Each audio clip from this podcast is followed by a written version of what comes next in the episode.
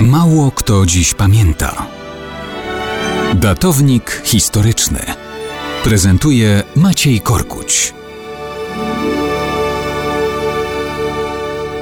Dzisiaj będzie o prozie życia, tej towarzyszącej nawet wielkim wydarzeniom. Oto 10 listopada 1918 roku przybywa do Warszawy Józef Piłsudski, niemal wprost z twierdzy w Magdeburgu, gdzie był więziony przez 16 miesięcy wraz z Kazimierzem Sosnkowskim. W różnych publikacjach jest pokazywana fotografia dokumentująca tłum witających go mieszkańców.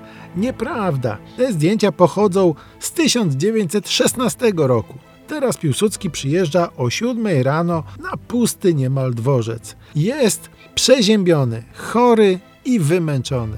Wita go zaledwie kilka osób. Wraz z Kazimierzem Sosnkowskim nie mają przy sobie nic. Trzeba szybko zorganizować zmianę bielizny, oczyścić znoszony jedyny mundur Piłsudskiego. Członek Rady Regencyjnej książę Zdzisław Lubomirski bierze gości na herbatkę. Dwie osoby pośpiesznie w tym czasie wybierają dla nich koszulę i bieliznę w sklepie galanteryjnym Ignatowskiego na Nowym Mieście. W pensjonacie przy ulicy Moniuszki Piłsudski może się wreszcie wykąpać. W tym czasie panny Romerówny czyszczą jego jedyny znoszony mundur. Kiedy się okazuje, że za oknem zebrał się wiwatujący tłum, Piłsudski wychodzi tylko na chwilę na balkon. Z jednej strony oświadcza wzniośle: Zawsze służyłem i służyć będę życiem swoim, krwią, ojczyźnie i ludowi polskiemu. A z drugiej prozaicznie dodaje: Witam was krótko, gdyż jestem przeziębiony, bolą mnie gardło i piersi. W kółko dobijają się jacyś interesanci.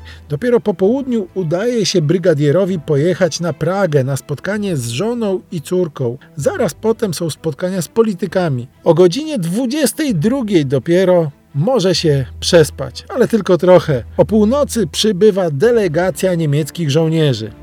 Piłsudski oświadcza im, że jeśli oddadzą broń i sprzęt, nikt im nie będzie robił przeszkód w spokojnym powrocie do ojczyzny. W sprawie oddania broni Niemcy kręcą nosami. Odkładają rzecz do następnego dnia. 11 listopada rano o 8 Piłsudski jest już na spotkaniu z nimi w siedzibie generał gubernatora obiecuje im opiekę i bezpieczeństwo. Tego dnia rozpoczyna się rozbrajanie Niemców w całej Warszawie, ale nie wszyscy godzą się na oddanie broni, więc na dworcu i w ratuszu i w kilku innych miejscach dochodzi do strzelaniny. Piłsudski, zanim od Rady Regencyjnej przejmie władzę nad wojskiem, musi w tym swoim jedynym mundurze przyjmować przez cały dzień niekończące się wizyty różnych interesantów, tak jak dzień wcześniej. Po ludzku rzecz biorąc, był zwyczajnie wykończony. Taka to proza życia w cieniu wielkich wydarzeń.